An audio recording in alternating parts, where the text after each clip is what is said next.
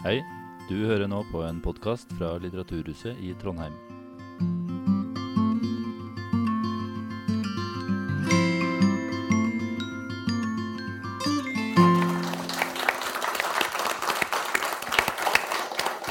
Eh, ja, velkommen til eh, lysbildeaften på Litteraturhuset. Eh, jeg er da eh, gitt ansvaret for denne saken her. Jeg skal trykke på knappen for å sørge for at vi eh, drives videre i programmet. Og da jeg fikk den oppgaven for en tid tilbake med å trykke på knappen og snakke med Per Bjørn, så var det ingen som visste at jeg tilbake på 80- og 90-tallet var profesjonell i lysbildeframvising. Så for meg, Per Bjørn, så er dette her litt eh, déjà vu. Så jeg håper jeg skal ha kontroll på teknologien. Eh, per Bjørn Forås han er forfatter og foredragsholder og eh, aktiv i det offentlige ordskiftet. Spørsmål om utdanning og eh, miljøutfordringer det er kjernestoff. Men han har oppfatninger, og vi har nær sagt en uhorvelig mengde forskjellige tema. Per Bjørn er f.eks. spørrende til ideen om hvorvidt vedvarende økonomisk vekst representerer en løsning på vår tids utfordringer. Og begrep som bærekraft og naturtap det dukker opp i Per Bjørn sine kronikker og essays. Bak seg så har Per Bjørn et yrkesliv som førsteamanuensis på Høgskolen i Sør-Trøndelag og på NTNU, hvor du underviste i pedagogikk og miljøfag. Eh, per Bjørn Forros er den fyndige tittelens ridder, drister jeg meg til å si. Angsten for oppdragelse. Utopienes tyranni. Tid for besinnelse. Har vi råd til vekst? Og så videre, og så videre. Og nå altså denne boka her. Bilder fra det moderne. Ideer og verdier i eh, endring. Dette er en bok om et saksfelt om noe annet enn det som jeg har vært innom så langt. Men det er eh, et saksfelt som du har vært opptatt av gjennom mange tiår. Så kan du si noe kort innledningsvis om hva, hva, hva denne boka er, er, for noe? Hva slags bok er det? Hvordan kom, hvordan kom du i gang med dette her? Det er, rett, det her er noe som har fulgt med i, i tiår, ja. Altså bildestoffet. Og bildet i det hele tatt som, som inngangsvinkel til å forstå ting. og Det, det, det er et skatt, skattekammer. Nei, men så har det også, som du sier, så har jeg altså en fortid da, og utdanningsbakgrunn knytta til pedagogikk og psykologi. Og så lar det seg ikke nekte at jeg på en måte har konvertert litt ifra det og over for det første over i miljøfag, og, men også i, i ordskiftet og offentlig debatt og alt det der. Men det der henger jo sammen slik at du får mer og mer lyst til å trenge ned og bak fasadene på en måte, og skjønne noen linjer i historie og, og undertittelen, altså ideer og verdier i endring. Og det er rett og slett det boka handler om. Det det som er konseptet. Å forstå måten vi inngår i sånne store prosesser på. da. Ja, det er, det er det du gjør. Og så har du en ganske smart måte å innlede Eh, i boka på. For du, du viser oss noen klassebilder mm. som i, i sin uh, essens forteller oss ganske mye. Vi skal se om vi finner de. Dette er den første. Hva kan du fortelle oss om det bildet der? Ja, 1930. 1930. 1930. Det osa 1930. Og de ser her at det er knapt nok et smil å se f.eks. på et sånt bilde. Læreren i, i, i, med slips, og alvorlig, han også. Og, og, det er altså en tid som danner utgang Det er for så vidt omtrent der vi starter hele fortellinga. Altså 1920-1930 og utover. Ja. Ja. Og så hvis vi da hopper til 55, hva har skjedd? Ja, kanskje. Det der kunne være skolen min, altså. For det, det finnes jo noe som sendes til min fortid i så måte. Det der kunne være Singsås, altså 19, eh, 1955. Fanakofte og, og læreren Og nå smiler ungene altså litt her. Men de står De står pent, står pent og er tekkelig antrukket med fanakofte og strikka, strikka ting her. Ja. det oser av trygghet og, og fasthet. Ja, Legg merke til begrepet fasthet. som Ja. kom tilbake til. Ja. Det er en fast verden. Så, vi, så hopper vi noen år fram til 1980. Ja. Da har det skjedd ting. Da har også fargefilmen kommet. Men her ser vi at det er slutt på oppstilling, og det er humor, humør og latter og, og, og utposering på en helt annen måte. Og det er også vanskelig å se hvem som er læreren på det bildet, her, men jeg tror det er han helt til høyre der.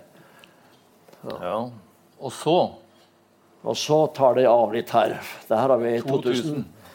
Eh, her er det, Nå er det vel også et litt sånn annet konsept enn et gammeldags klassebilde. Det er et slags kar karnevalkonsept samtidig. Men likevel, det er en helt annen mentalitet som strutter ut av det, av det bildet her. Og så lar vi det gå 15 år. Gjør det? Hva har skjedd? Ja. Og det der er viktig fordi at alle ser at det skjer noe her. Eh, Hvor representativt det der er, det kan også være, men iallfall så er det det med pent antrukket. Det her er vellykket, velflidd, vel uh, altså Han har sagt nyvaska og, og, og dressa opp, altså. Og det er orden, og det strutter av av et eller annet som er forskjellig fra, fra før. Men også det her er en undertittel på det her, som vi vel kanskje skal se på her, det, jeg, jeg kaller det for et illustrert drama i tre akter. Og så skal vi etter hvert komme fram til hva som er de trinna her, og de tre forskjellige akter, fasene av det moderne. Men det her er iallfall siste fase. Og her er vi jeg antyder allerede nå tilbake, Det er en slags kretsløp. Vi er tilbake til en fasthet og ryddighet i det her. Altså, som, som vi også skal spole tilbake til at vi starter med. Men jeg tror, vi skal, jeg tror vi skal, før vi nå begynner, for nå skal vi begynne Ja. på første akt, nemlig. Ja, vi gjør det. Eh, det faste moderne. Ja. Men jeg tror, vi, jeg tror du skal si litt eh, om de tre altså Ja. Du snakker om det faste, og det flytende og den nye fastheten. Ja. Si litt grann om det, sånn at folk har, den ramme, har rammeverket klart for seg før vi går Ja. gjennom Vi historia. skal gjøre det. Og de, tre, de to første begrepene, altså fast og flytende modernitet, det har jeg da ifra en, en sosiolog som het for Sigmund Ballmann, og som var modernitetens eh, store tolker, fortolker. Så han snakker om det faste moderne som altså i den perioden der, og, og det her er selvsagt cirka. Alle sånn fasebeskrivelser blir på en måte litt sånn cirka. Men eh, det her er en periode som er prega av altså fasthet. Og nå skal vi se helt konkret på hva det innebærer. Men, men dere merke at verden er fast, altså ordna, systematisk og, og trygg osv. Og så det flytende moderne som da følger eh, etterpå. Da, da skjer det ting avslører allerede nå at altså, da er det tidsskille ikke sant, omkring 1970 og 70-talls radikalisme. og Oppbrudd og opprør og, og over i at strukturer vakler og brytes ned, og så begynner verden å flyte. altså. Eh, på litt forskjellig vis. Før vi igjen går Før inn i den nye Det oppstår en reaksjon og en slitasje under det flytende, og tilbake til en slags ny fasthet. Og det begrepet mitt, faktisk, og ikke Sigmund Bammanns. Ja. Den nye fastheten som da vi er i. Det betyr ikke at det andre er slutt. Det flytende er ikke slutt, men det, det er samtidig vevd inn en, en ny type eh, reaksjon. altså. La oss se på hva den første fastheten som du, du startet på 20-tallet La oss se litt nærmere på hva den tida er prega av. Ja. Nei, altså det er jo en en moden forsamling, det her òg. Han kjenner jo til på en måte det her historisk. At det der er det altså de 30-åra med, med sine kriser, sosial uro, klassespørsmål og etter hvert krig. ikke sant? Men under hele tida så ligger det altså samtidig sånn framskrittsoptimisme allerede. Altså Det er tro på noe bedre som ligger og venter også etter at krigen tar slutt. ikke sant, så er det, skal vi fortsette framskrittet. Og det er en veldig sterk tro på det. Og så er det ei tid med faste politiske grep. Ja. Der en, en, og alle og alle aksepterer de grepene. ikke sant? Det er en slags styrking av den typen politikk. Forståelsen er at fastheten er nødvendig. Ikke sant? Det, det er nødvendig. Det er kris, et krisebilde bak her. ikke sant? Ja. Og det gjelder hele det politiske spekteret. Det gjør det. Ja. Og det er en myndig stat ikke sant, som altså tar grep. og som legger merke til at det her Nå er vi jo fort over etterkrigstid, og, og da vet vi jo at vi hadde i alle fall et, et 20 år etter krigen prega fremdeles av den tida her. Ja. La oss se på, Her er en form for fasthet. Ja. Ja. En Ja. arbeider som drikker, tenker ikke. En arbeider som tenker, drikker ikke. Der hører vi til det som blir brukt som betegnelse på denne perioden. her, Det, er de store fortellinger. Og, og avholds- og losjespørsmålet var en av de store idealistiske fortellinga. Og de ser det, den lastebilen her, ikke sant, som igjen jeg kan kjenne igjen fra Iallfall ti, ti, så tidlig jeg kan huske. Den, den typen. Og og så kommer det noe interessant her, fordi at Vi skal forstå flere bilder her nå som illustrerer det her med de store bevege, bevegelser. Og i bygda mi så var det altså slik Vi skal ta dem først. Vi kan ta de fire først. Så kjør vi videre. Ok, ja vel. Ja. Her har vi det nasjonale, altså tanken om nasjonsbygging og, og, og bunader og språk og røtter, norsk kulturarv osv. Nasjon og norskdom. ja. Mållaget kunne, kunne vært eh, Ja, ja, absolutt. absolutt. Og så har vi det her, som da er eh, Det står religion og misjon. Det bildet til venstre kunne være fra barndommen min. Det er svensk, riktignok. Men vi sto ved pulten og sang våre salmer, og det var, og det var bønn, og det var og et alvor knytta til klasserommet som, som de ser lyse ut av bildet. I tillegg så kom altså øverst til høyre så har vi da bedehuset med oppbyggelser og, og, og, og relativt sterkt press på en måte altså på, på tru og, og forestillingsverden.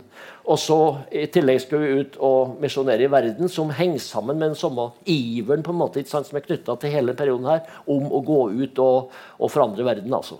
Jeg husker dette veldig godt fra 60-tallet. Jeg, er ligger noen år etter deg. Men altså, på 60-tallet var jo dette med misjon og sånt Det var jo fremdeles veldig sterkt i, i, eh, i, i, i Raufoss-samfunnet hvor jeg vokste opp. I Singsås så hadde vi jo, i tillegg så hadde de forskjellige misjoner hver sin juletrefest.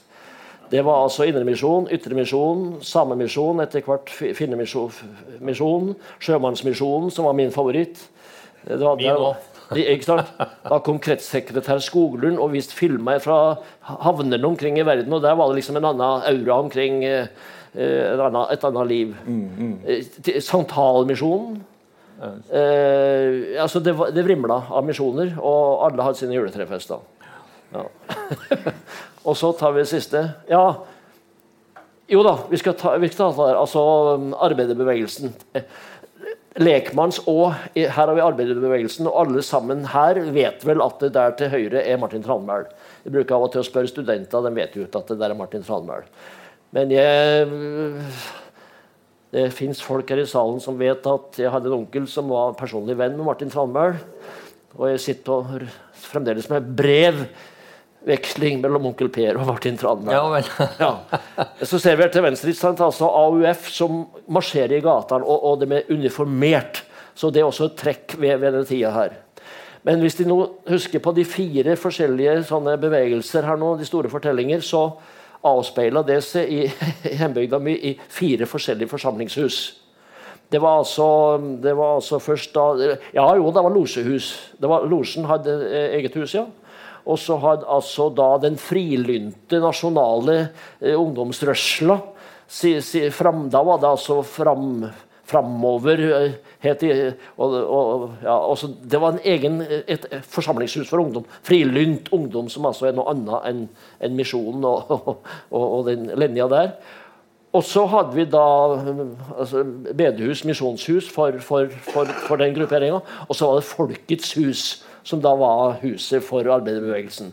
De fire kulturene der vassa litt uh, oppi hverandre, men det var også ganske skarpe skott. altså. Ja. Men det sier noe om den tida. Jeg vokste opp med, med veldig strengt adskilte eh, regimer. Altså de som sogna til eh, bedehuset, eh, de eh, handla ikke på kooperasjon. De handla hos Kristiansen.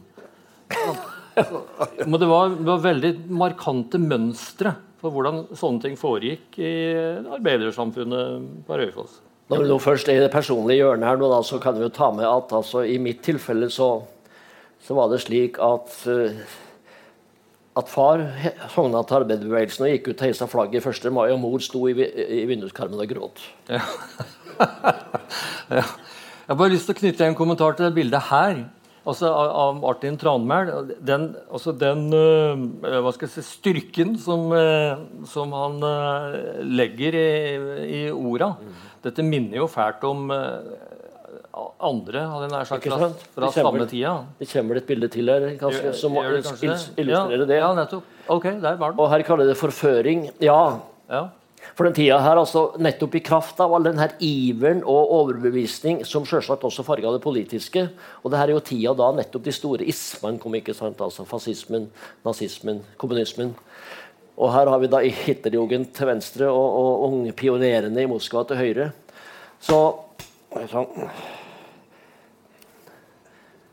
Lurer på om jeg skal benytte anledningen til å ta med genseren. ja, jeg tror dette kan bli varmt. En veldig fin genser som jeg tenkte å vise deg fram, men nå har jeg fått gjort det. Nå, nå må du tre igjennom den derre nå, nå, nå, må vi passe oss her. Ja.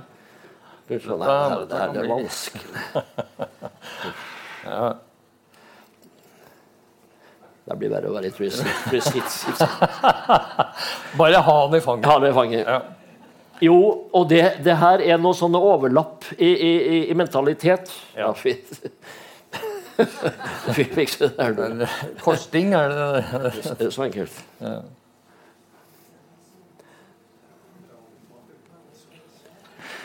Interessant, det her, altså. Ja, ja. Der fikk du det. Takk for det. Ja. Altså, alle er representanter for en slags fasthet. Ja, de, fasthet. Står, de står på uh, Står i trua, ikke trua, overbevisningen, ja. ideologien, og kjemper for den tappert. Ja. Med alle midler. Ja. Og, og, det ligger jo et sånt element også sant, i, i, det når, når går på en måte det her mer vanlige overbevisning over til å bli autoritært. Mm. ikke sant? Det er jo et, et stort et sprang, som ja. du ser her. Og Det er ikke bestandig like hyggelig å, å, minne om det, men det er noen sammenhenger her eh, som er litt ubehagelig å se tilbake på. Ja. Og Det fins f.eks. dem som mener at det også norske sosialdemokratiet var mulig å utvikle velferdsstaten bare med å knekke hva heter det, noen, noen egg eh, Skal du lage omelett, så må du knekke noen egg. Altså. altså Den typen forståelse. altså Sterke virkemidler. Vi skal komme tilbake til det her. Ja. Så det er på en måte midt oppi all velferd og framskritt så er det noen understrømninger her som er litt vanskelig å forholde seg til av og til. Ja. ja. Det forjettede land var ja, her, det er Svak for bibelbegrep. vet du. Det forjettede ja. land er jo landet som flyter av melk og honning og, altså, men framskrittet er en veldig sentral tanke i det faste målet. Ja. At, at det, å se på det bildet øverst til høyre, som er på en måte en slags nesten helligdom, altså fabrikken som helligdom. Og det nederst det er fenomenal arkitektur. Det er norsk kraftverk. ikke sant? Som, det, det, er en svimlende, et svimlende symbol på tenkemåte. Mm. Ja. Alt er mulig. Alt er mulig. Ja. Og det skal vi kanskje ha et lite ja. Her kommer det. Gunnar Anders. Ja, Gunnar Anders. Han er jo den eh, fremste eksponenten for det, som sier altså at det er ingen grunn til å tro at det finnes problemer i menneskets tanker som ikke kan løses ved menneskets midler. Det har aldri forekommet at man har stilt et fornuftig spørsmål uten å finne et fornuftig svar. Ja. Det var det mulig å mene, altså? Ja, det var mulig å mene, og det var ikke bare mulig å mene, men det var på en måte vedtatt. Ja. Eh, men det som er fenomenalt her, er at bare som, som vi nå skal se, da, bare et par tiår etterpå, tre tiår etterpå 1970s og det store vannskillet, så snur jo det her, snus jo det her på hodet, og en begynner å tvile på fornuften. ikke sant? Ja. Det er på en måte historisk utvikla i det her. Men her var det fornuften som gjaldt, altså, ja. og framskrittet. Og hvis dette skal gi noe mening, så, så forutsetter det opplysning. Ja, her er opplysning. Ja. Opplysning, og eh, det der til venstre er jo da tatt ifra et Det het for Programbladet.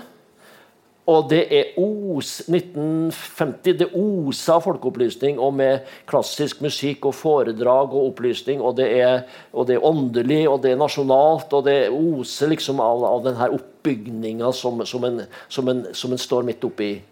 Og til høyre så har vi en av mine favoritter, nemlig Folkeakademiet. Mor brukte å ta inn dem som reiste omkring i Folkeakademiet, til overnatting. Slik at jeg da som var åtte-ti år, og, og, der kom Helge Ingstad, og der kom altså Erik Bye og Albert Henrik Moen og hva det nå het, alle sammen. Og jeg var med på møtet og satt ikke sant, på Stelka og hørte og var med på kveldsmaten etterpå og på frokosten om morgenen. Det var svære ting, altså. Det var, det var mitt møte med liksom kunnskap og opplysning. ja. Veldig sentralt i arbeiderbevegelsen. Ikke sant? Altså man skulle jo, man, det, Dannelsen var jo en del av arbeiderbevegelsens prosjekt. Ja. Det var mer enn lønnskamp. Litt rart å tenke på i dag. Ja, ikke sant. Men, ikke sant. men det var sånn. Nei, da, Her står det 'den lesende arbeider', og det er et vakkert begrep. og Du vet, Heidi, tante Inge hun har Arbeidermagasinet. ja, det er sant, ja. Arbeidermagasinet som ble til Magasinet for alle. Og det der var opplysning for de brede lag, altså. Ja, ja. Og det var eh, på en måte kulturbyggende, samtidig som at det var litt sånn underholdningsverdi i det. Og det var jo der eh, Jens von Bussenskjold kom, ikke sant? og det var til og med tilløp til litt sånn seksualopplysning. Og, det var, øh, og Nils Johan Ruud, som da var redaktør, altså det var helt fabelaktige greier. altså. Ja, men det var, det var en nisse på en måte i, i det. Min, min, far var født i 1915 i arbeidersamfunnet på Raufoss. Jeg tror han, han, han, var ikke noen stor leser, eller sånt, men han leste, og jeg tror han følte en slags forpliktelse. Ja, men det at var, han burde ja, gjøre det. Ja, ja.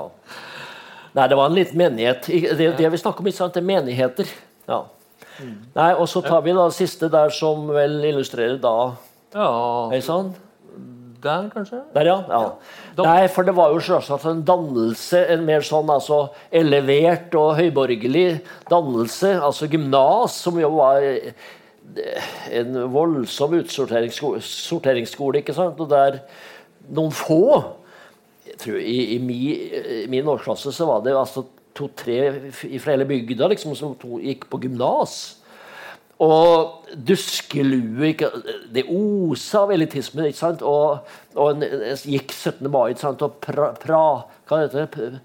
Pranga på en måte med, med, med sin visdom og sin nye status altså med svarte duskeluer. Og det er noe annet enn det foregående bildet. Ja, Det har skjedd noe. ja det har skjedd noe. Ja. Uh, da, men det skjedde mer. Ja. Nei, altså tanken om, om, om, om vekst og velstand og, og plakater Bilder generelt, men plakater er fenomenalt uh, spennende å se på. Du ser til venstre gate og grend, altså vekst og velstand er bokstavrim. Og det er og det til høyre og i det norske Arbeiderpartiet. Og du ser at grå, grågåsa flyr der, og det nye gode år, og det er framskritt, og det er optimisme, og det er farger. Og det minner litt om sånn plakatkunst i samtida, f.eks. fra Tyskland. Og det nazistiske. Som, det samme bildespråket. Eller det, eller det Ja, ja, ja, ja, ja, absolutt. absolutt, altså. absolutt, absolutt. Og det igjen så avspeiler det liksom det fellestrekka her av, av denne iveren og overbevisning og bygging av, av, av samfunn og, og verden. Ja, her er det noen mange som kjennes igjen, tenker jeg. ja. Nei, når kom uh, opphevinga av rasjonering på bil? Det var vel først på 19- 60, 1960. ja, 1960. Vi hadde jo fått biler, biler fra Øst-Europa. Det vet du. Ja da. Men her kom altså ang Anglian her, og, og den der gleden over. Og, og, og det var jo en voldsom forandring, vet du. Og til Høyre, som jeg da bruker å spørre studenter om av og til, de aner jo ikke at det der er en Evalett vaskemaskin. De lurer på hva for slags merkelig greie det der er. Det var jo det første liksom, som kom, og som jeg husker veldig godt. Alt det her kom jo forresten da eh, når kraftutbygging eh, Det har vi kanskje ikke gode bilder på det. Jeg har ellers brukt å legge vekt på. For kraftutbygging var selvsagt en veldig viktig bjelke i det her. Ja. Ja. Men det kom mer. Det kom mer. Ja. Og det her husker jo jeg altså. Og Husbanken og Lånekassen kom vel på slutten av 40-tallet. 46-7. Og det at en kunne begynne å bygge et hus og ta utdanning uten å ha kapital i banken eller kausjonister eller hva det måtte være, eller selge ei ku eller to, som det har skjedd, det var, det var helt mirakuløst. Og så kom jo folketrygden da i, i 63, tror jeg. Ja, Ja, eller 67, kanskje. Ja noe sånt. Noe sånt. Nei, alt dette her er jo altså, det er jo utenkelig uten denne fastheten. Ja, det er, det er akkurat det. det. Ikke Ja. Altså, det, er, Det skapes, ikke sant? ja, det må skapes, og Ja. det må, det må et, et regime til for å klare å Ja. få dette til å skje. Det må en, være en vilje Ja, bak, ja. etter mitt Og det her er akkurat den perioden da landet bygges. altså Det, det, det, det Helt enestående i norsk historie. sant? Altså De tiåra, par tiåra her. Og det er sosialdemokratiets glanstid, ikke sant? Ja. Det her er jo flott. da, vet du, Lang og tro tjeneste. Da fikk en medalje. Og bare for å illustrere spranget da, fra det der og til bare om, om, om, om 30-40 år, så er det altså en belønning for lang og tro tjeneste. Og du vet hvordan det er i dag. I dag er det slik at hvis du er på et, et og samme, en og samme arbeidsplass mer enn tre-fire år, så mangler du omstillingsevne. Vi skal komme tilbake til det. Men det, det viser bare hvor verden har forandra seg. Ja. For ikke å snakke om det der. Og legg merke til rekkefølgen. Gjør din plikt, krev din rett. Jeg blir nesten på gråten, jeg. For I dag vet jeg at det er omvendt. ikke sant? I dag skal du kreve din rett først. Og deretter så gjør du din plikt. Og det, det, alt det her handler om overgangen til det flytende moderne. som vi nå skal se på. Men det, noe fremdeles er vi i det faste moderne. Ja, det der er også et rørende bilde. da. Og en stor, stor prosess som jo endrer hele nasjonen. Voldsomt. Og det henger sammen med, med det prosjektet. ikke bare skulle du bygge framgang og velferd, men du skulle altså ha en, en enhet, et veldig sterkt begrep i der nasjonen skulle bygges og henge sammen. Og, og folk skulle liksom inngå i dette store nasjonale fellesskapet og bygge nasjonen. Men det krevde jo nettopp i det tilfellet at industrien skulle bygges først og fremst. Og så var det sterke belønningsmekanismer for å få folk til rett og slett å flytte fra fjorder og, og fjellbygder sant, og, og til sentrale strøk for å gå inn i industrien. Og det, I noen tilfeller så grensa det til en liten sånn tvangsmekanisme. Det var så store fordeler ved det at, at en måtte bare gi opp. På, omtrent på samme tidspunkt som det begynte å bli levelig å, å, å drive på, Her har vi folk som har greie på det her. Men så, så han er Budalsdikteren, Ivar Enli, Jon P. Jon P. Enli, har skrevet fantastiske vers om Så kom vegen, og da flytta ungdommen. Ja, ja. Helt presist. Ja, eller eh, jeg tar, jeg tar enda en, en referanse til min familie. For min mor vokste jo opp på, i en eh, sånn selfanger- og, og fiskerbondefamilie nordpå. Eh, men hun sier til meg nå, i sitt 97. år, at eh, det livet der Når hun gifta seg med min far til industrien på Raufoss, så var det jo fordi at hun hun, eh, hun leste bladene og ønska seg et annet liv enn det hun sto i. Det, industrien frista, rett og slett. Altså. Den ble solgt inn og var forførende. Ja. Og det var eh, en iver på, på de tinga der som på en måte grenser litt over imot autoritære virkemidler. Altså. Ja, ja. OK. Ja da. Og det der Et nitrist bilde. Og det er nitrist fordi at det er 17. mai det handler om, og der har han altså fått ei samejente til å posere med det norske flagget. Det her var under den voldsomme fornorskingspolitikken. ikke sant? Altså der det, og det, Hun ser jo ulykkelig ut, og det, det er jo stikk motsatt. ikke sant? Altså det, det, det var, det, og det måtte et kongehus til for å be om unnskyldning for det. ikke sant? Det samme gjelder flere av de fenomenene som vi skal se på. Men ja, her kommer det, ja. Utskuddene, altså taterne det her er vel sigøynere, øh, akkurat det bildet her. Men det er altså tatere, som jo var et begrep på bygda. Taterne kom tatere før det. Ja, ja, det må, Jeg husker mange av navns nevnelse. Såp-Maria og Skjemmel... Skjemmel-Maria Såptor. ja da, og de tok jo inn ikke sant, på gårda. Og, og, ja. Nå er vi inne på re rensing. Rensing. Det er mange sånne underliggende begrep her sant, som, er, som er litt brysomme. Renhet. Ja. Rensing. Eh, som har dobbel betydning. ikke sant? Men her var det altså Og, og, og det var utbredt rasehygiene, som vi skal se på. At i 1934 kom det altså en lov, steriliseringslov som gjorde det mulig å sterilisere åndssvake, kriminelle, vanekriminelle og, og, og, og, tatere. rett og slett for å få det under kontroll. Og, og, under krigen så ble det jo selvsagt helt uttalt. Jeg tar, tar med det her fordi at det viser bare at, at det der som skjedde i Tyskland og i andre land av slike ting, det, det var ikke alene om det. det var ikke alene om det, altså. Det var, det var, en generell tenkemåte som nettopp er knytta til den mentaliteten som jeg nå prøver å beskrive gjennom det faste moderne. Ja, det må jeg se på. Mm. Einar Gisholt om tatere. Sykdommen må oppfattes som et degenerasjonsfenomen. Barna arver sine foreldres slette intelligens. Intellektuelt sett står norske omstreifere i klasse med negre, indianere og meksikanere. Sosialt og psykologisk er de å sette i klassen med vaneforbrytere. Ja. Han var lege, Einar Isholt. Vi får ta med, ta med Evang også, da. Ja, Carl Evang er her. Å begrense antallet dårlige arvebærere er en helt rasjonell tanke, som sosialismen alltid har gått inn for. I det sosialistiske plansamfunn vil dette naturlig inngå som ledd i det forebyggende sunnhetsarbeidet. Karl Evang Felt. Hel helsedirektør. helsedirektør. Helsedirektør, ikke sant? Ja. ja. Vår ypperste ja. på området.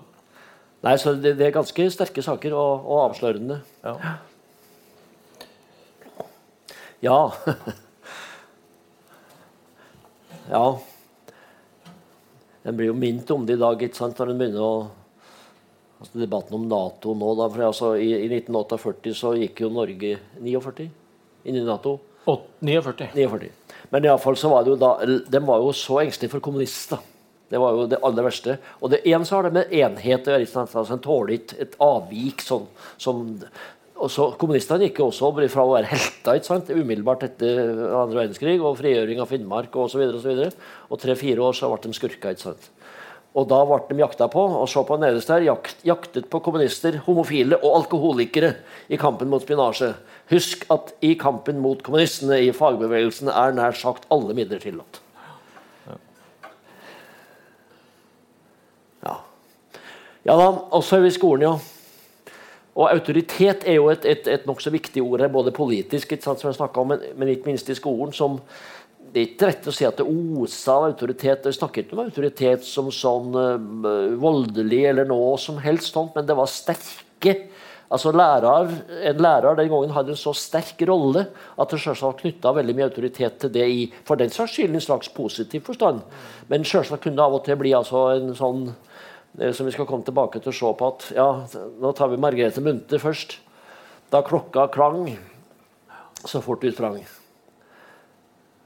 og linjegymnastikken. Altså det orden og det, det fell veldig fint inn i det bildet om at det var orden og autoritet i skolen. Mm. Du har en slags oppsummering eh, her ja. på hva dette faste moderne er for noe. Ja.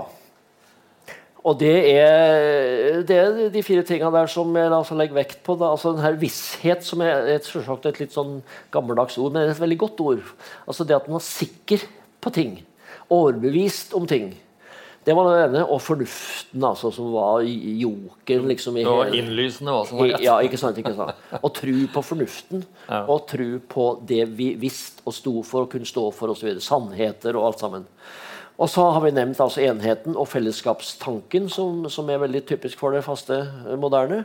Og så har vi nevnt altså tillit til autoriteter som kunne være mange slags autoriteter og, og klarhet i roller. altså Foreldre var foreldre, barn var barn.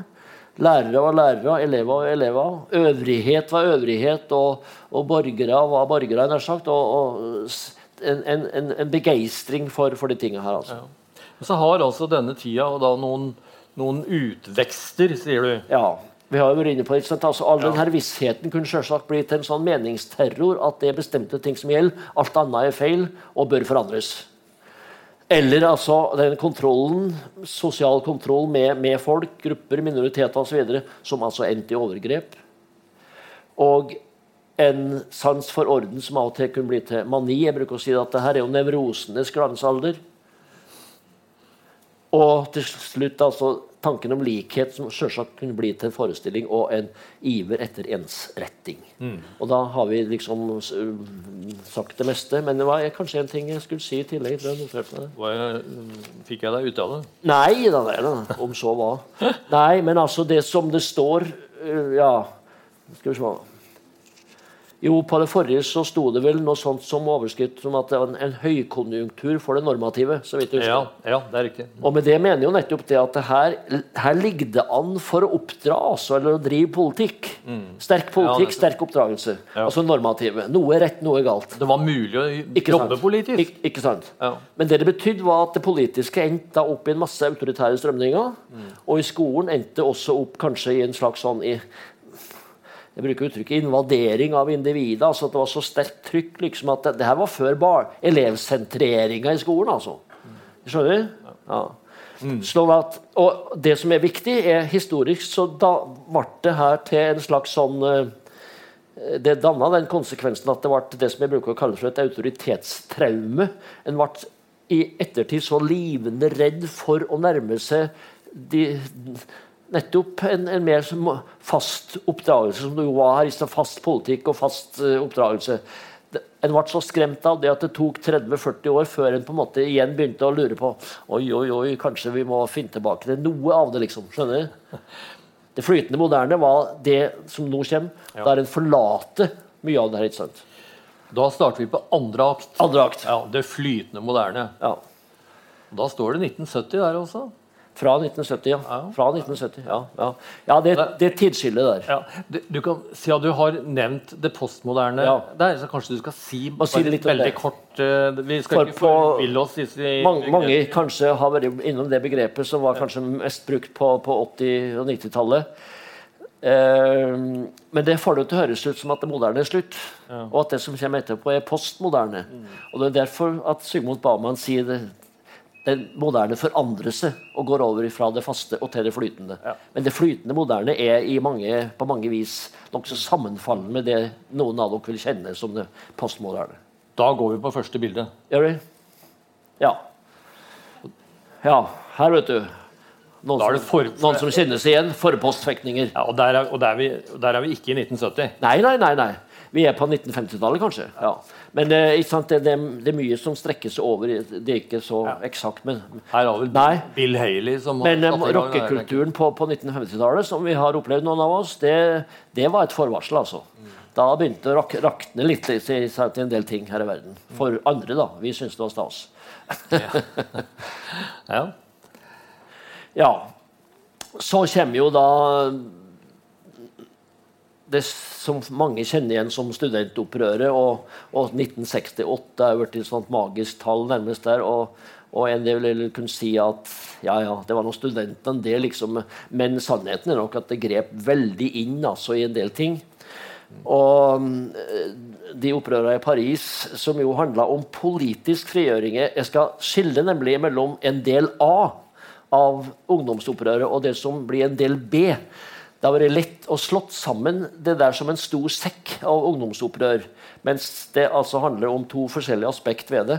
Og det her handler jo da om protester mot et samfunn, et undertrykkende samfunn, et urettferdig samfunn som, som, som uh, utøver makt over minoriteter og, og svake parter osv. Og, og, som, og som en protesterte imot, altså til fordel for en ny type rettferdighet. liksom. Og politisk frigjøring. Her må vi opp og, opp og kjempe. Ja. Her er mer av det samme. Her har vi konkrete ting. altså Når en da student har okkupert auditoriet ikke sant, og skulle bestemme pensum. og eh, kvinnefeminismen blomstra jo opp her. Det, var, det her er jo 70, Nå er vi over på det radikale 70-tallet. da. Og, og fred og, og, og Vietnam, ikke sant? Og ikke minst da etter hvert Alta. Og igjen over 10-20, nei 30, 30, 30 år ifra fornorsking og, og, og overgrep mot samene, så blir de altså helter på en måte her, ikke sant? Og, og, får en slags identitet og kultur eh, En kultur som, som, som virkelig får betydning. Altså bevisstgjøring og, og frigjøring. Og så har vi det her, da. Rolf Groven, ja, som eh, kanskje husker, som laga de fantastiske maleriene her. Her har vi brudeferden i Hardanger. Og så har vi, og hvem er den mannen som blir børret bort her? Det er Noen vil kjenne mannen og er naboer.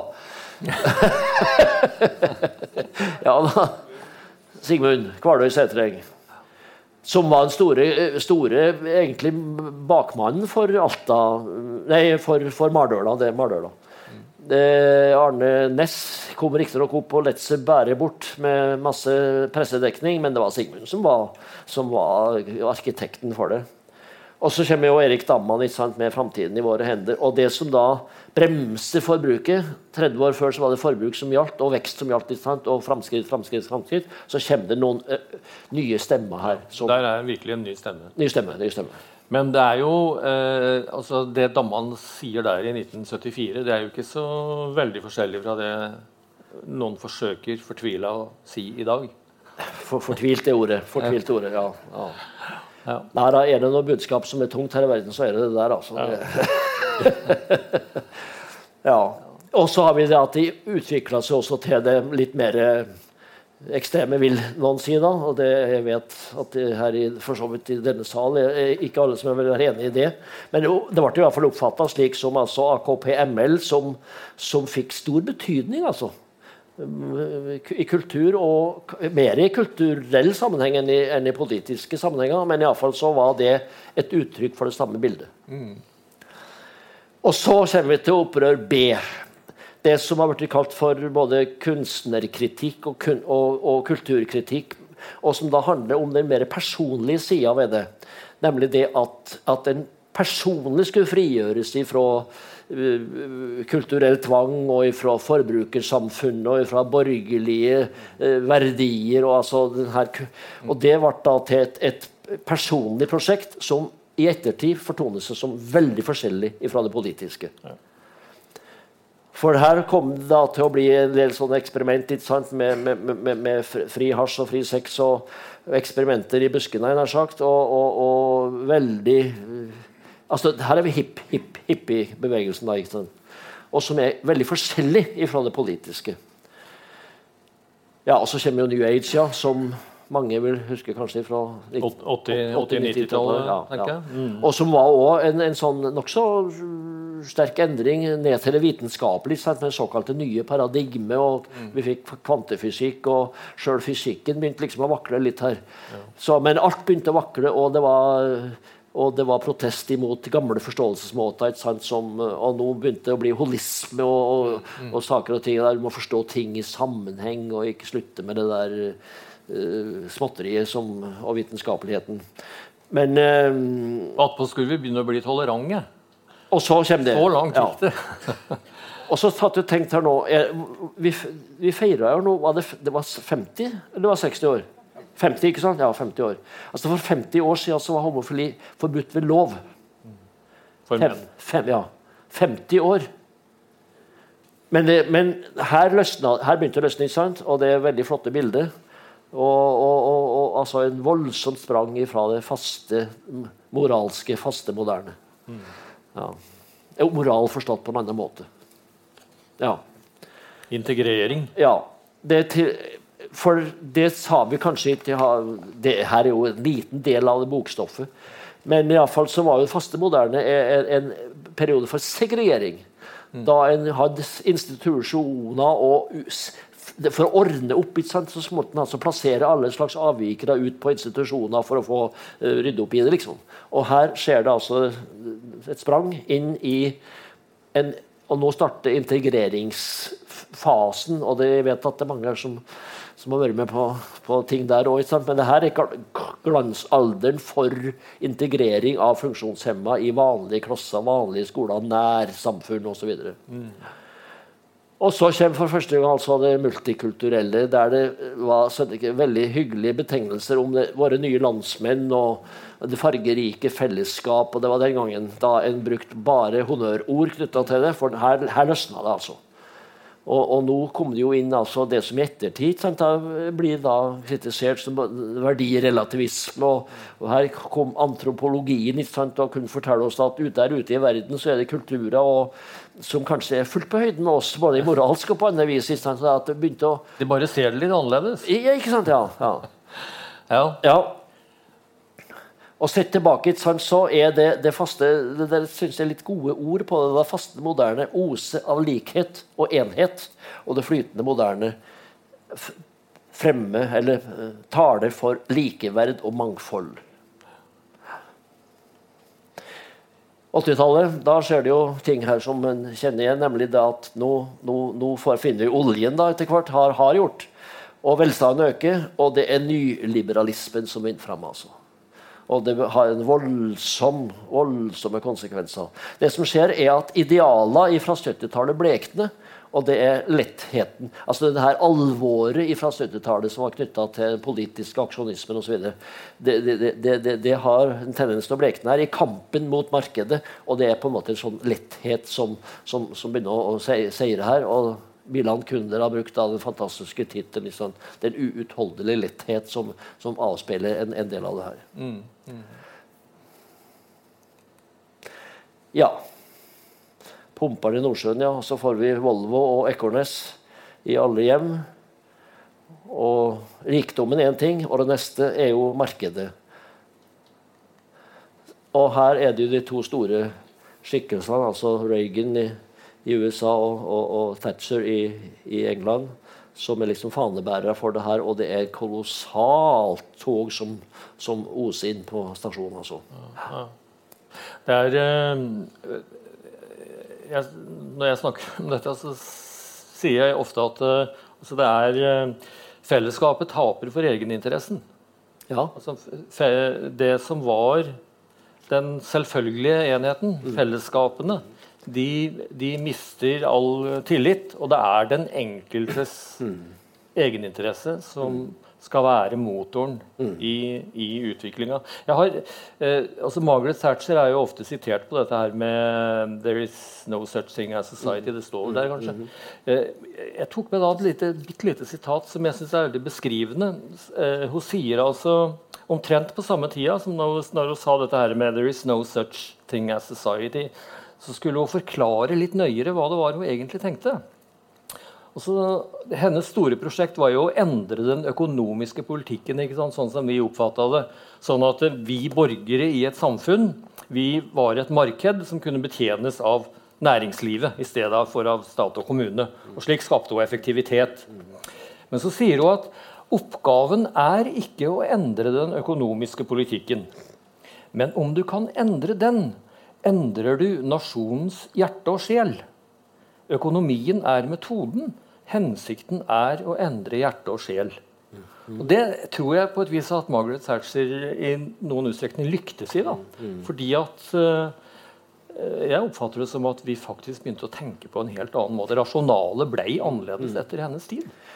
Det er det som ligger i den neste plansjen som vi kan ta nå, da, denne alliansen som vi har drøfta. Altså det, det her er det liberales gullalder.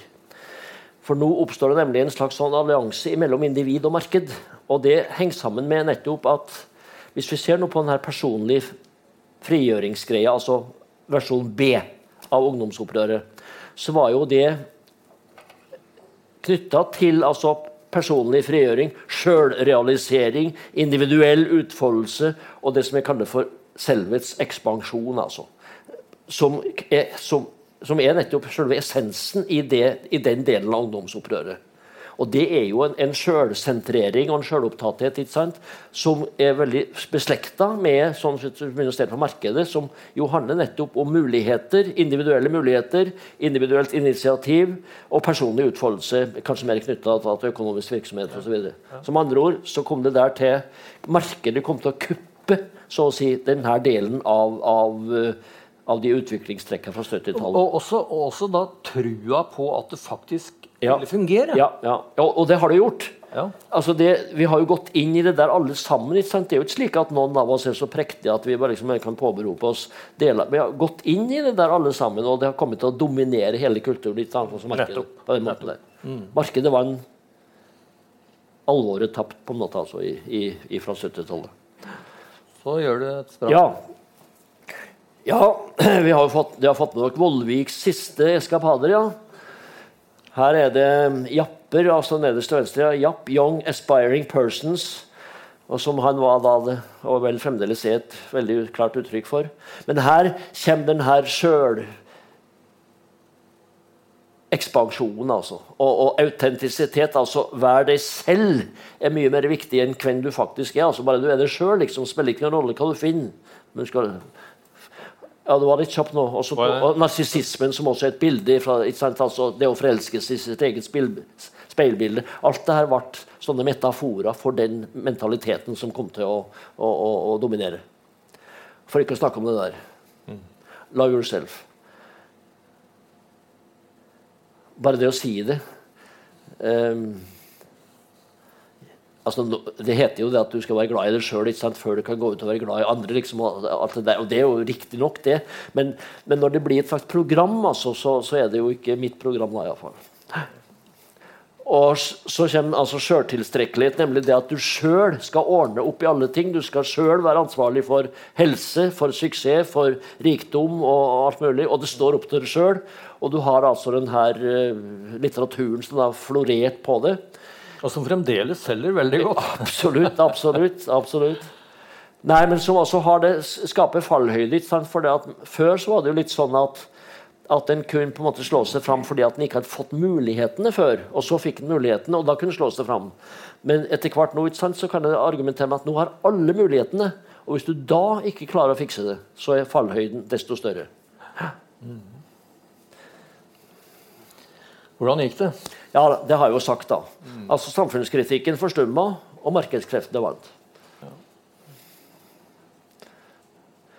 Ja, det der syns jeg er litt, litt uh, tankevekkende. Les den.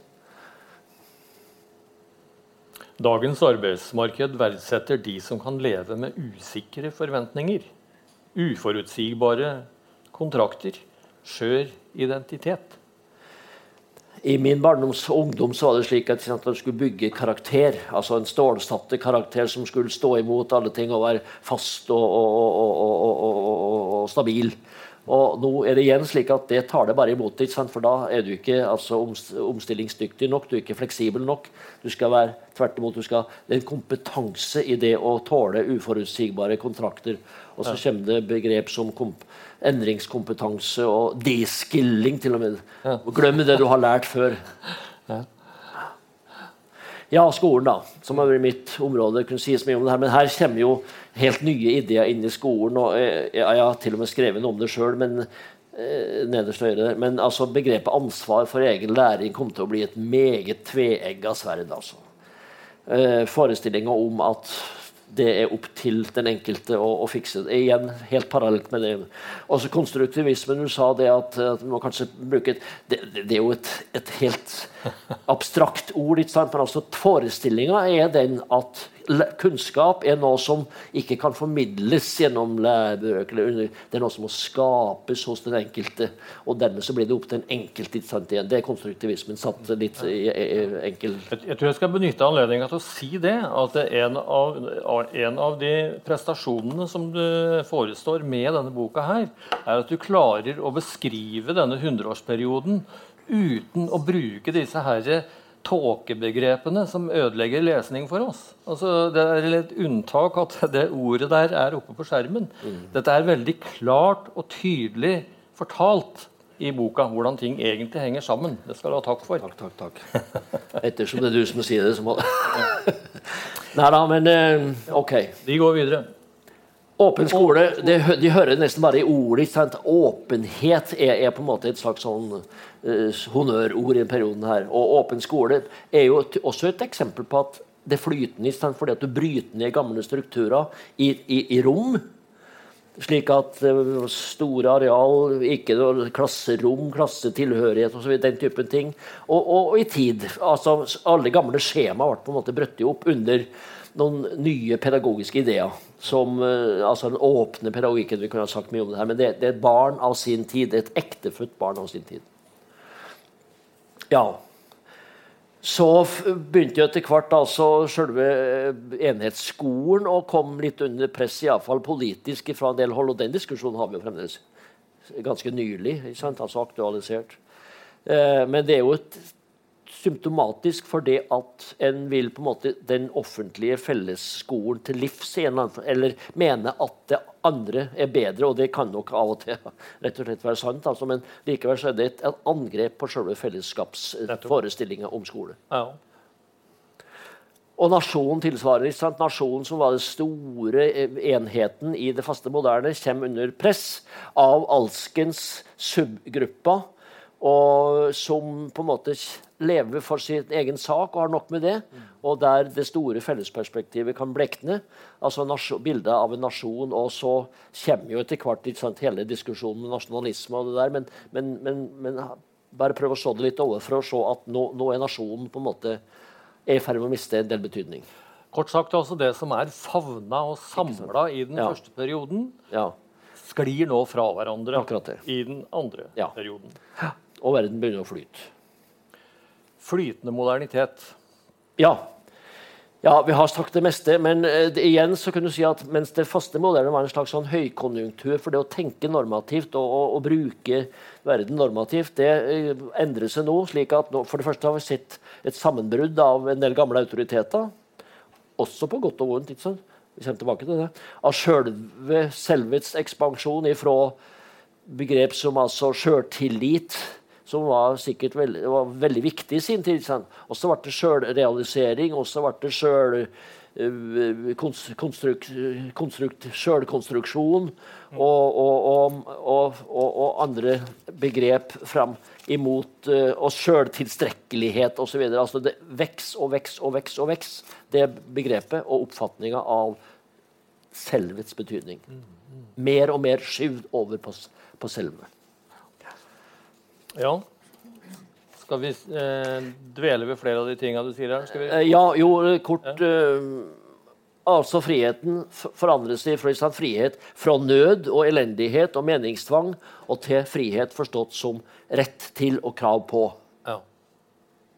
Og, og så snakka vi så ut om at gamle verdier på en måte altså relativiseres, og at markedets hegemoni truer sånn sett det gamle fastheten. Da har du sagt det. Ja, da har vi sagt det. Ja. Dette er da oppsummering sånn sett på, på, på tve, tvetydigheten i det, altså utvekster. All denne tvil Vi begynte å tvile. altså Ambivalensen og, og, og det relative førte jo til at prisen å betale var en, en slags likegyldighet. Altså alt, 'Everything goes', som det kom til å hete i en periode. Um, eller som Ole Paus sier det, når alt blir likegyldig, så blir vi likegyldige. Frihet som altså kunne bli, gå over til å bli en slags krav og sjølopptatthet og egoisme. Fleksibilitet, som de vil kjenne til, til det, som kunne bli til utmattelse. Altså skulle tilpasse det alt. Være i stadig endringsprosess. Eller forestilling om ulikhet. Ikke bare at en godtar det, men dyrker på en måte ulikhet som et fenomen. Og, og, og dermed kan havne nærmest over i sosialdarwinismen, nær sagt altså sterkestes rett. Mm. Ja, og dermed så kommer det altså etter hvert nå en reaksjon. La oss si at det er litt farlig å snakke om årstall i det her, men altså årtusenskiftet er nok viktig her. Det kom en slags slitasje under at strukturer går i oppløsning. Og det blir en kritikk av relativismen. Og det blir et oppgjør med snillismen, som vi ikke har nevnt som begrepet. Det var forresten Rune Gerhardsen som innførte i sin tid om skolen. Og som den her misforståtte eh, snillismen mot barn. da. Og, og, som nå For nå er vi på vei inn i det tredje, tredje akt, ikke sant? altså nye fastheten, som da kommer som reaksjon på det her. Og da i, så vil de etter hvert være med på at snillismen sånn sett nesten har forsvunnet i, i dagens uh, kompetanse og, og, og, og, stress og test uh, uh, hegemoni i skolen. Vi skal se på det. Men også er det altså at det er også noen nye samfunnsproblem som melder seg, og som vi må på en måte forholde oss til på, på, på en annen måte. Og her er det bare et, en billedpresentasjon av det. Det er noen utfordringer her. Ja, det er det.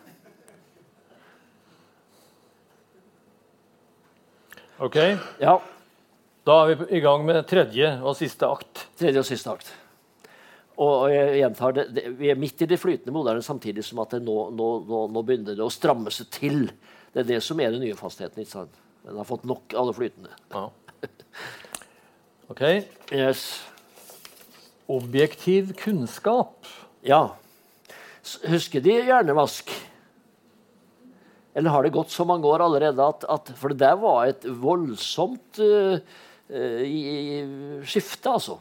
Det var Harald Eia som da hadde programmet her, og som da i store trekk begynte å eh, få fram og mene, og hadde jo gode bevis, han. Han hadde en tendens til å gjøre motparten til, til latterlig. latterlig. Slik at her kom altså kulturvitenskapen sant, med sin omtrentlighet og ble altså satt på plass til fordel for objektiv viten. Altså biologisering av verden. Og det ble på en måte biologi mot kultur. altså. Kultur er, er, er, er bare sånn vås og uh, stilisme og uh, ull og ja. Det var litt uheldig, men han pekte på noen uh... Ja, da gjorde det, men altså kjønnsforskning eh, ble satt på plass, ikke sant? Og, og masse andre ting. Og så fikk vi altså forestilling om at gener bestemmer alt. Og det, det der er vi jo Det der har vi iallfall ikke passert. Det der er høyaktuelt. Men altså, da er det selvsagt intelligens, men det, er- det er atferd, det er karaktertrekk, det er, alt er genetisk betinga. Og hvis du tar det neste, så er det ikke bare det. Men eh, Skal vi se Jeg har notert meg noe her. Jo, nemlig det at, det, det at genetikken på en måte blir en slags hovedforklaringsfaktor, er står selvsagt bak et fenomen som alle kjenner til, altså fosterdiagnostisering og, det, og DNA-testing osv., nemlig det å kartlegge barn og, og utsikter og prognoser osv., og, så videre, og med den angsten som det kan skape hos mange for et slags sånn sorteringssamfunn. Det er jo knytta til et sånt menneskesyn, selvsagt. Ja, nei, ikke eh, Ja, du har mer der. Ja, jeg har det, vet du. Nei, altså at hjernen bestemmer. Det kom jo for fullt vet du, med Behring Breivik. For da kommer jo det der ganske fort. ikke sant? Mannen må jo være, det, det må jo være noe galt i hjernen hans. Altså Det stilte opp da mot det politiske. Altså det, det, må, han, det er rett og slett en abnorm hjerne. Men altså, det, det er et eksempel på men det der med å forstå øh, verden som, som, som hjernefunksjon, det har strekt seg veldig langt altså til pedagogikk, psykolo, nevropsykologi, nevropedagogikk, nevroteologi. Det er nemlig bestemte områder i hjernen som bestemmer om du tror på Gud. liksom. Satt helt på spissen. Det som aktiveres når du, når du tenker. Så det har liksom blitt nesten komisk. eh, i, men hjernen, hjernen, hjernen, hjernen, hjernen. Nå! Ja. Nei, for det, altså, det her er jo teknologiens store tid ikke sant, som tar over det meste her i verden. Og her ser vi da mm, roboten på, som serverer, og ikke minst virtual reality. Eh, som, som har sendt på aldersheimen, ikke sant? Altså der du, der du plasserer gamle i en stol, og så, og så kjører du et, et program. altså. Det er ganske sterke saker. Og så har jeg skjermenes eneveldig. Så de Trygve Lundemo i Adressa var det i dag eller i går?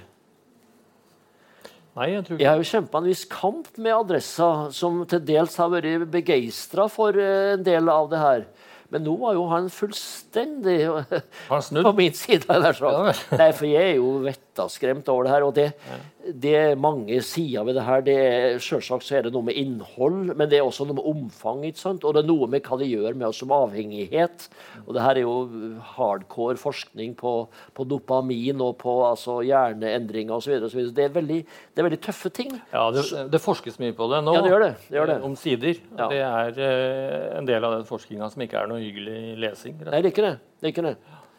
Og, det blir, og det blir også på en måte for, for, forsuvd, altså, eller rett og slett eh, hva det heter, for, fortrengt. da, Fortrengt. Ja, Det, det, det gjør noe med våre sosiale evner, i hvert fall. det gjør det. Og de fenomenene her Jeg ser nå at nå føres snart krigen i Ukraina ved robota, ikke sant? Men eh, altså, biler kommer jo ikke sant, uten Og så har han stilt sånne spørsmål. Hva skjer når en sånn bil At det kommer to eh, objekt i veibanen, en, et barn og en gammel mann. Hva vil bilen eh, prioritere og ikke å kjøre på?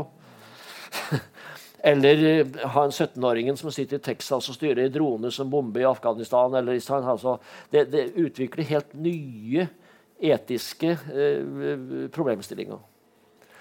Og så har vi begrepet transhumanisme, som da helt, helt uten det heter, uten uh, forlegenhet vil altså forbedre mennesket med alle midler. Og det handler da om slike ting som altså genteknologi, selvsagt. CRISPR-teknologien, altså klippe og lime og skape det mennesket du vil. Og forbedre mennesket, altså. Eller kjemisk, medisinsk, ikke sant? altså manipulere og forbedre mennesket.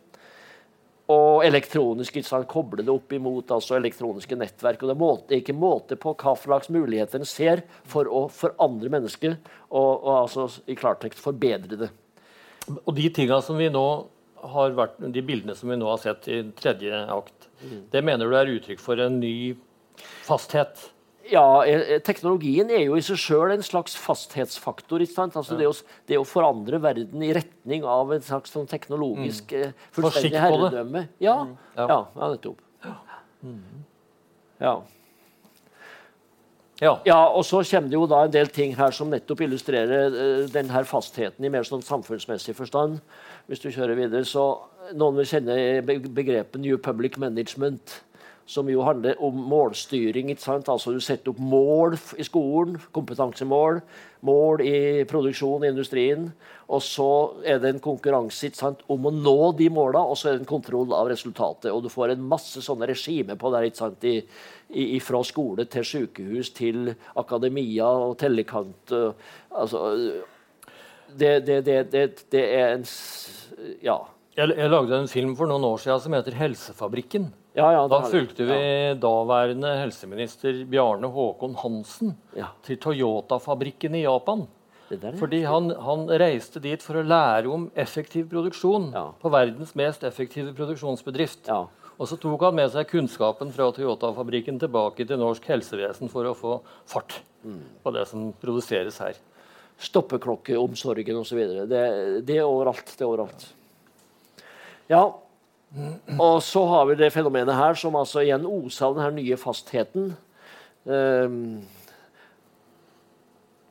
nemlig altså overvåkning. Og det gjelder selvsagt på alle områder. Det er altså kriminelle, det, men det gjelder også politisk, selvsagt. Og, og skoler og barn får jo nå sånne altså Du kan fotfølge unger ikke sant? Ut, ut, og passe på dem på den måten der. Og eldre skal jo ha fotlenke. Sant? Og, da, for, ja, jeg, jeg bare nevner det. ja. Nei, og så har vi diskusjonen om bevæpning. Jeg skal skyte inn her nemlig altså en endring i jussens verden. Uh -huh. Nemlig at på, på 70-tallet var det jo sånn liberalisering av det. Sant? Og hva het hun Inger Louise Valle, korrekt. Som altså da, da og, og, og, kriminologien med, Christi, med Nils Kristi og Thomas Mathisen osv. Som, som gikk på en måte litt sånn over på, på, på de kriminelles side, nesten, altså, for å forstå og, og humanisere behandling. Og, det ble mer behandling enn fengsel osv. Og, og nå er det i ferd med å snu fullstendig tilbake. Nå ropes det på, på mer straff og på um, strengere virkemidler. Og debatten om tilregnelighet for eksempel, har jo kommet. Ikke sant? At det skal ikke være så lett å slippe unna her i verden at du bare kan bli erklært for utilregnelig. Det er masse sånne trekk som, som er den nye fastheten i jussens verden. Kanskje også i kulturen? På hvilken Ja, jo, jo, jo, det er en ny ja. fasthet ute og går her òg. Ja, og lengselen ikke sant, har nå kommet tilbake. Og vi skal ikke snakke veldig mye om nasjonalisme, for det er i hvert fall et tvega, eller tvetydig sak.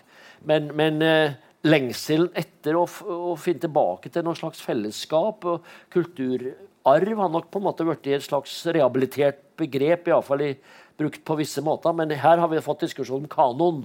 I Danmark er det en kulturell kanon i skolen, der det er bestemte eh, bøker, bestemte musikkverk, bestemte ting som, som er autorisert som det unger bør kan altså her i verden. Ja. Og den typen tenkning kan komme. Og, og for ikke å snakke om altså, når, når, er det når er en nok norsk? Og det er alle slike ting som har kommet. Sant? Altså det med at en eh, Ja. Det er typiske spørsmål. Og så har det altså snudd i skolen? Altså at, at gamle fy-ord blir til honnørord. Altså På 70-tallet var disiplin et fy-ord, nå er det et honnørord. Og ansvar for egen læring det var et honnørord på 70-tallet, og nå har det nærmest blitt et fy-ord, for nå skal det styres gjennom kompetansemål og uh, orden i saken. altså. Ja. Så sånn, sånn forandres verden. Og så spørs det, da Hvordan har det gått med den nye fastheten? Det, det kan altså, Enkelte mener det, da. Men det her er det sprikende og det vanskelige å måle osv. Men, men altså, det kan være til, litt, litt, flinkere på skolen. Kanskje er svaret. Litt, litt flinkere, ikke mye. Bedre oppførsel, ja. Det er nok noe der at ungdom i dag er ikke så i opposisjon, men de er litt mer strøken og, og er lydig. Generasjon lydig, kjenner du begrepet? Generasjon lydig. Ja, her kommer det en større lydighet. Og det blir også mindre konflikter i klasserom og i, ved middagsbord osv. Så sånne ting. Vel, vel. Eh, det, blir, det, det er mulig.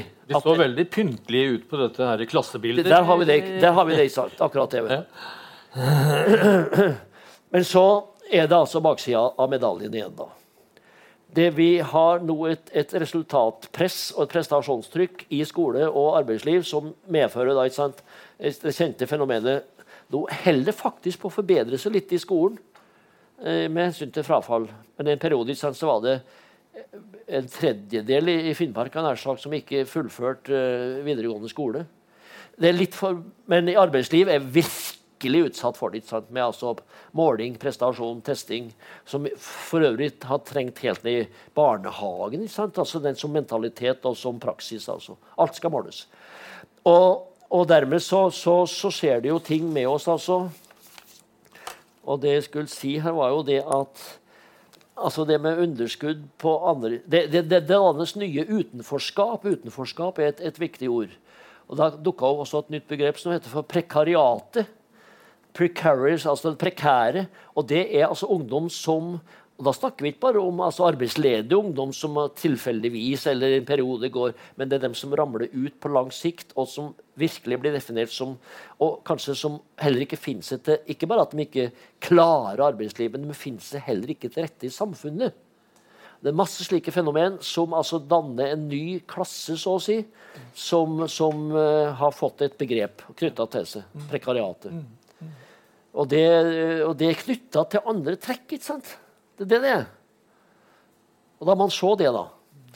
Og at det blir en sånn, sånn underskudd på anerkjennelse, og hva det gjør med ungdom altså, som kappes hele tida med å, å, bli definert og prestere. Og, og, og, det er det som er anerkjennelsen. ikke sant? Hva gjør det med dem når de på en måte hele tida Og noen av dem taper ganske uh, ganske vedvarende. Alle, ja, nettopp. Nei. Nei da, og Det diskuteres jo da veldig Psykologen Ole Jakob Madsen som vi har hatt her flere år, han har skrevet veldig mye om det her. og Det neste punktet er psykiske lidelser blant unge. På noen parametere så øker det veldig. Sant? altså Medisinering, sjøloppfatning og, og definering osv. Men så sier Ole Jakob Madsen at det er også slik at i dag så er det mye mer oppmerksomhet kring det større, flere tilbud, flere medisiner å velge blant osv. som kan gjøre det vanskelig. Men jeg syns at den med det blotte øyet ser en endring for å ta den, den vrien da, mm. i retning av at ungdom sliter. Mm. Personlig tilbaketrekning? Ja. Og det henger jo nettopp sammen med at når alt blir overlatt til deg sjøl, så går du inn i bobla di og har nok med det og fikse ting. Og på 70-tallet så skulle ungdommen ut og forandre verden og kritisere verden. Nå kritiserer den seg sjøl. Og det har av en danske som heter Rasmus Willig blitt kalt for kritikkens uvending. Det at, at kritikken har blitt snudd ifra det å rette en ut imot de skyldige der ute, og til seg sjøl som den skyldige. Mm. Mening og tilhørighet? Ja.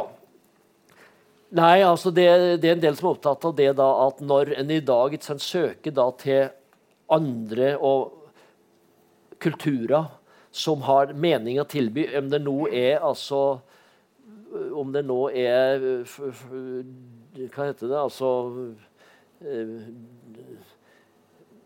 Jihad, eller altså den typen eh, kulturer, eller til eller til voldelige aksjoner mot dyr, i bur. Altså, det er mange som er opptatt av at, dyr, at til med miljøkampen mm. kan på en måte få for noen eh, preg av at det mer er en jakt på egen identitet og mening, og at det blir prega av det, og at en da er villig til å gå langt sant, i, i, i, bruk av, av, forskjellige ting.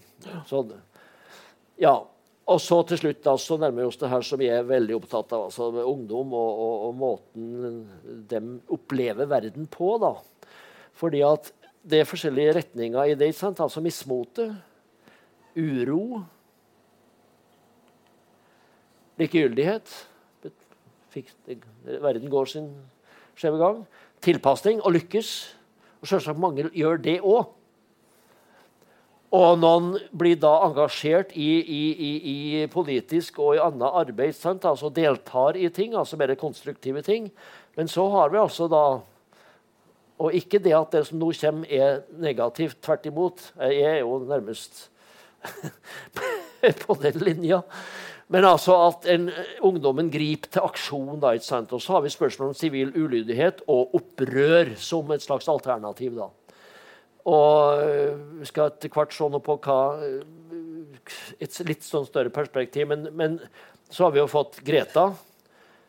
Et opprør. Et, et opprør. Et opprør. Men det, enn så lenge så er jo det for, også et snilt opprør. Det er et veldig snilt ja. opprør, men det lever noen andre til Så også? får vi det her. Og nå er, det, er vi så heldige at vi har nest, faktisk en XR representert i salen. X Extinction Rebellion, som da framstår for mange som et litt eh, eh, hva skal jeg si, mer aksjonistisk og mer, mer eh, ja, for en del litt sant, altså problematisk, fordi at begynner å gripe, tar i bruk virkemidler og uttrykk sånn, Jf. dem som var inne i kirka i, i, i, no, i, i, osv. Men det var til og med en prest som var med. ikke sant? En prest som leda an. Så det, det, er ting på gang her som er og Derfor så syns jeg da, og det her får hver avslutning, nemlig det at jeg er veldig redd for at hvis det blir for stor avstand mellom generasjoner, og en slags mistillit blant ungdom generelt imot voksenkultur, og en resignasjon knytta til det, som jeg syns en ser mye av, ja, så er risikoen for at det utvikles i feil retning, større. Ja. Altså voldelig uh, og, og, og, og Derfor så syns jeg det her er et godt bilde på at, at enn om en kunne få til begge deler, som til venstre er altså en slags kontinuitet, og at, at, at generasjoner klarer å, å, å, å, skape en slags trygghet og en, en slags arv og, knytta til, til, det. Og på den andre sida akseptere at ja, vi trenger et opprør blant ungdommen. Vi trenger det. For det er, der, det er derfra det må komme? Det er der håpet ligger. Mm. Det er det siste uh, lysbildet i kveld. Uh, vil, uh, dere skal få lov til å knytte noen kommentarer eller spørsmål til dette. her, Men før jeg slipper dere til, så vil jeg si det at jeg har opplevd at denne boka har vært veldig avklarende for meg da jeg leste den for begynner å bli lenge siden nå. det er ei bok som på en lettfattelig måte setter vår nære forhistorie i perspektiv. For meg kan, Jeg visste ikke at jeg trengte å lese den boka, men det var en fryd å, å, å lese henne. For den, den, satte ord på ting som jeg trodde at jeg egentlig visste. Som jeg kunne. Men så forsto jeg, fikk jeg en mye bedre dybdeforståelse av å å finne dette enkle språket og gjennomillustrert med bilder som forklarer hva dette er for noe. Så det er, det er hva dette, dette bokprosjektet eh, handler om. Så takk for det. Eh, er det noen som har lyst til å spørre om noe, kommentere? Så... Vi har brukt lengre tid enn vi, enn vi Ja, vi har, brukt, eh, vi har, brukt, litt tid. Men vi, vi har tid, iallfall. Og du har tid. Ja, ja, ja, ja, ja. Men vi, vi, forstår hvis dere er utkjørte. Ja. Men, men likevel. Fyr løs hvis det er noen som eh, har, eh, har trang til å kommentere noe. Her er det når mote. Ja. Hører dere meg da? Ja. ja. Uh, jeg tenker litt på det her uh, med den nye fastheten og kanskje ungdomsopprøret som vi snakker litt om her også. Eh, tror du at vi hadde sett større krefter mot eh, klimaendringer, for å si det sånn? Eller at det ungdomsopprøret hadde sett større ut hvis vi ikke hadde vært, hatt en, måte, eh, en, bevegelse bort fra det her opprørske og tilbake mot det mer faste. At du hadde sett flere folk som hadde stilt seg bak noen av de kreftene som kjemper mot, eh, eh mot manglende klimahandling. nå. Du ser litt forvirra ut. Ja, jeg får ikke helt tak på det foreløpig. En gang til. Vi snakker om at på 70- og 80-tallet var det mye ungdomsopprør, ja, ja. Eh, politisk frigjøring og sånn, men at vi nå ser gjennom klassebildene f.eks. at vi, ja. eh, vi, unge kanskje eh, følger etter autoritetene litt mer. Hvis vi ikke hadde sett den bevegelsen, eller den nye fastheten, tror vi da at det hadde vært større oppslutning eh, rundt noe av, det, noe av det her opprørske som du avslutter med? Kanskje, kanskje. Men jeg tror uansett at det går an å sammenligne en del trekk i dag med aksjonismen på 70-tallet. Og det syns jeg da er håpefullt. Altså, at det rører seg på en måte blant ungdom da. Og det selvsagt er det delvis et elitefenomen. Det er nok det. Men likevel, det rører seg. Og det hører litt med til det bildet mitt. Altså, at jeg tror det skjuler seg veldig mye uro, engasjement og motstand og, og potensial på en måte under mange av de andre uttrykkene også. Også under mismotet, på en måte. Jeg opplever at uh, i ungdomskulturen så er den er like delt som i voksenkulturen. Ja. Du har de som slutter opp om om si, et politisk arbeid for, altså, for endring. Og så er det de som ikke gjør det. Og som tilpasser seg det som uh, samfunnet tilbyr. Jeg vet ikke om det, jeg opplever det ganske sterkt at det er slik. Jeg tror kanskje det er tilfellet i voksenkulturen òg at det er mer på gang av uh, forståelse mot, mot kultur eller altså, enn det som kommer til uttrykk. altså. Det er mye som ligger latent, på en måte, og som du fort ikke sant, Du kjenner jo til det, at når du får to glass rødvin, ikke sant, så kommer, da kommer ærligheten fram. altså Da sier folk helt andre ting. liksom, enn Det, det gjelder i mange sammenhenger, syns jeg. Ja. Sånn har det kanskje alltid vært? Det har nok det. Har nok det. jeg er redd. Det har nok det. Ja, her.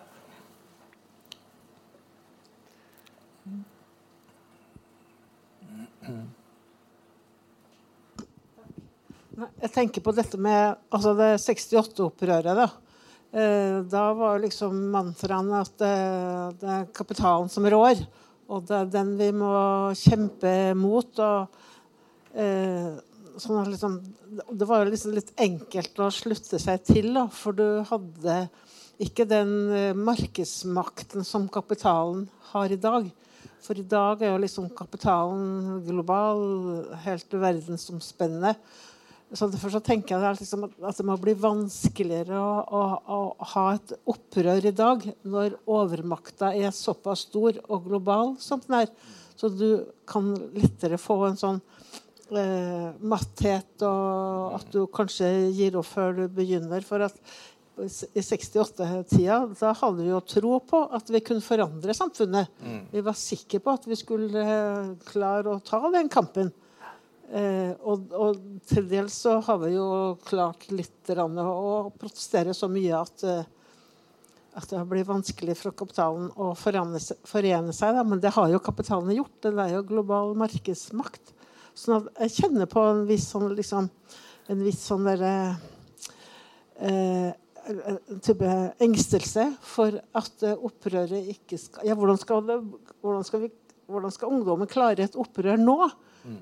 Lurer jeg på når det er så stor markedsmakt og gjennomsyrer samfunnet så mye. Ja, jeg bare spør liksom den tanken. Dette må du kommentere. Ja, det, du har jo bare så helt rett. ikke sant? Altså det det er slik at det er verre av mange grunner i dag sant, å yte motstand. Altså, det er så sterke krefter, og det er så uoversiktlig, og det er så mange Tenk bare på nettet. En trodde jo, ikke sant, altså den, den, den arabiske våren da, satsa, da, var det veldig sterke argument på at det, at det var et resultat sant, av nettet og et de, demokratisk opprør på nettet osv. Det er en som heter hva heter den da, Romoso, som skriver det er jo på mange måter tvert imot at også også kapitalen får nettet. ikke sant? Altså Motparten får også de samme virkemidler. Det er ikke slik at nettet er, er, tilgjengelig bare og er demokratisk og virker bare på de premissene. Det virker på helt andre premisser samtidig. Nei, og så, er, og så tenker jeg Det så jeg synes er en veldig flott kommentar. fordi jeg, jeg opplever det også slik at man i politisk forstand har abdisert. Mm. Det, er, det er markedsmekanismer som skal eh, definere utviklinga. Eh, hvis vi ser hvordan det politiske livet virker i Norge i dag, så er det ytterst få politikere som egentlig ønsker eh, å styre. Ja. Det er markedet. Ja. Vi fanger det alle sammen, og vi er mer fanger det alle sammen enn vi aner. ikke sant? Altså, det, det, er helt sånn som du sier. Dessuten så har alle politiske strukturer forandra seg veldig. Se bare nå på valget i Frankrike. ikke sant? Altså, de gamle partiene har jo blitt viska ut, ikke sant? slik at det er ikke kanaler lenger for for å forandre verden eh, på den måten. Så det, det, det, er et veldig kaotisk mm.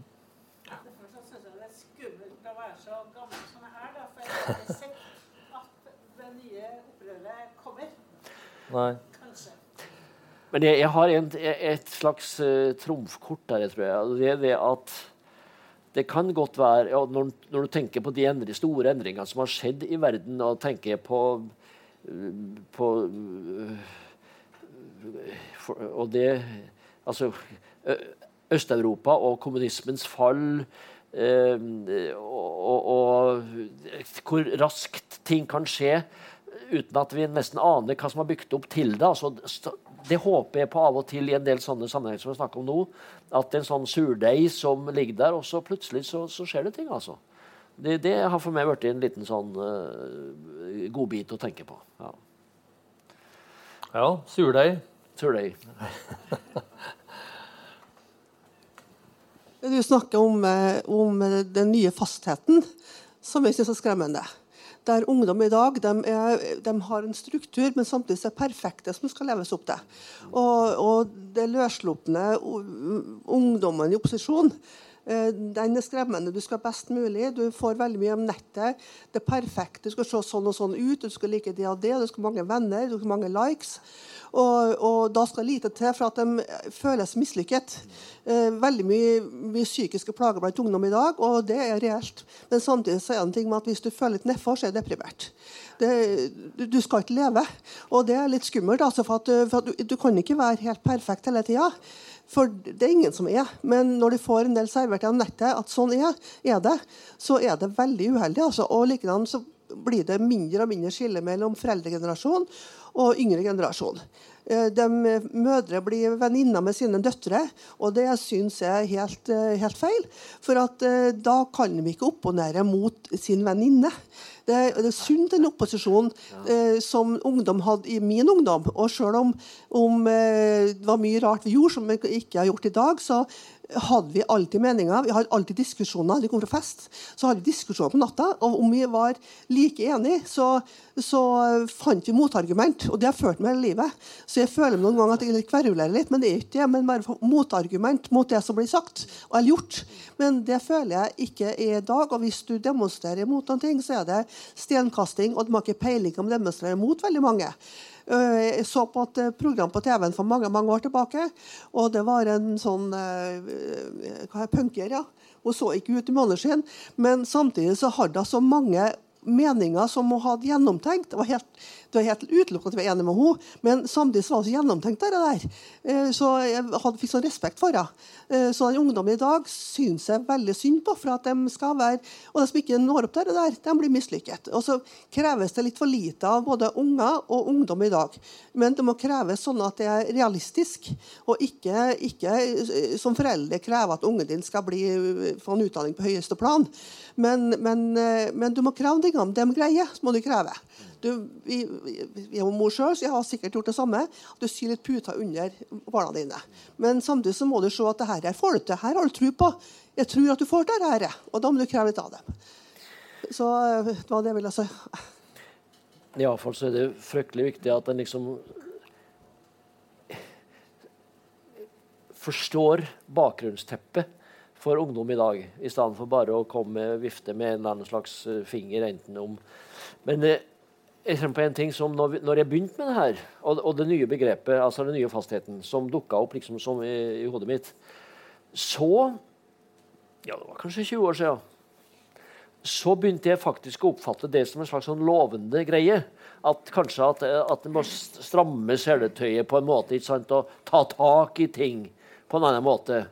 Og, og, og, jeg så liksom en slags sånn potensial i nye strømninger for det å skulle mm. gjøre en slags eh, ja, altså Til og med retrett i en del ting, men også for å bygge til, eh, fast, sånn som det gamle fasthet, første fastheten var. Nemlig det at det var en, en slags byggende kraft da, ja. i det. Som du hadde litt nostalgisk forhold til? Ja, eller iallfall en slags sans for at det kanskje var ja. eh, en, en, ny tak, altså. Og det, I skolen for eksempel, så så jeg for meg det stikk motsatte. Jo, nå kommer jeg på det. Eh, til, un, den angsten for oppdragelse, som du nevnte, mm. den har som undertittel, et samfunnsetisk perspektiv på oppdragelse. Og når vi begynte med boka, der, så ville forlaget ha det til å skulle tilbake til Åsa Grude Skar og leggetider og lommepenger og, og de småtinga der. Og vi var opptatt av det samfunnsdannende ved det som har vært mitt prosjekt hele tida. Og jeg trodde kanskje at det kunne ligge potensial for noe sånt også i skolen. Og skolen kom til å gå i stikk motsatt retning. Til kompetansekrav og til prestering og ytelse og testing. og og, og, så snakkes det ved festlige anledninger også er det sånne store begrep som brukes om livsmestring og det selvsagt er miljø osv. I virkeligheten så er det bare, bare det, det, er ikke det her totaltrykket som jeg ser for meg, liksom, og som kunne ha vært mulig ut ifra en slags sånn ny fasthetstenkning. Men det har altså ikke gått sånn foreløpig. Iallfall. Lov å håpe. Da var det en kommentar her. Og så er det en der, og da tror jeg vi må begynne å sette strekk. Eh, veldig fin fremstilling. Får veldig sånn assosiasjoner til Foucault og hans eh, sånn kunnskap som produkt Da. Vi har hele tida produsert nye individer og ja. muligheter for å være ulike typer mennesker.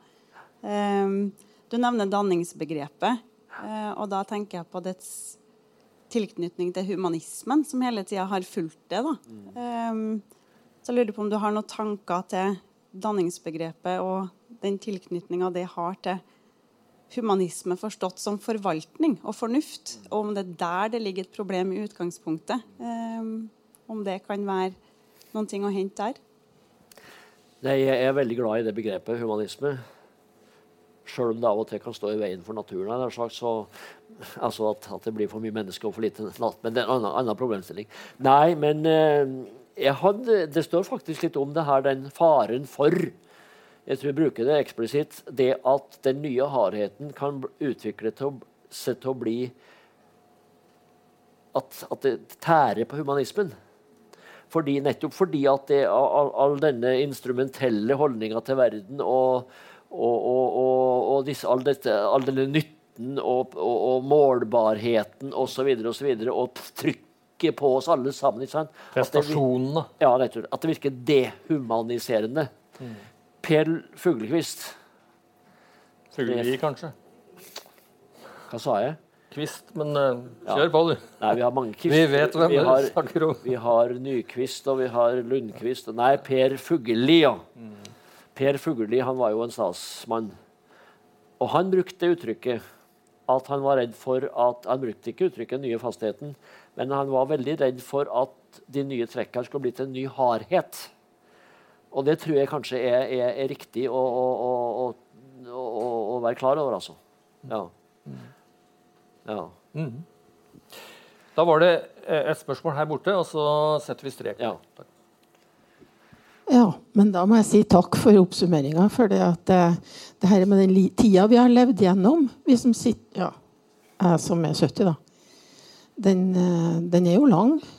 Og det har vært perioder, og det går an å se at vi er i en ny fase, ja. Men så får jeg lyst til å tenke at ja, vi tenker på naturen, vi tenker på klima, vi tenker på at verden skal gå videre, og vi håper på en slags surdeig. Kanskje det er sånn soppmysel? At vi, eh, vi, som er her og eksisterer akkurat nå, vi er jo en og samme organisme. Det går ikke an å komme fra det. Vi er alle den organismen. Sånn at noen av de sopptrådene begynner å få noen sånne pophatter opp som gjør, blir XR, eller hva de kaller seg. Det, jeg tror på det, altså. At vi vil overleve. Vi ønsker å overleve sammen. Og enten vi er 70 eller vi er helt nyfødt, så det skal gå. Sånn tenker jeg. Tusen takk, Per Bjørn. Mm. Da sier jeg tusen takk, jeg òg. Det var en nydelig oppsummering. Takk for at dere kom. Veldig flott forsamling å snakke til. Takk skal du ha.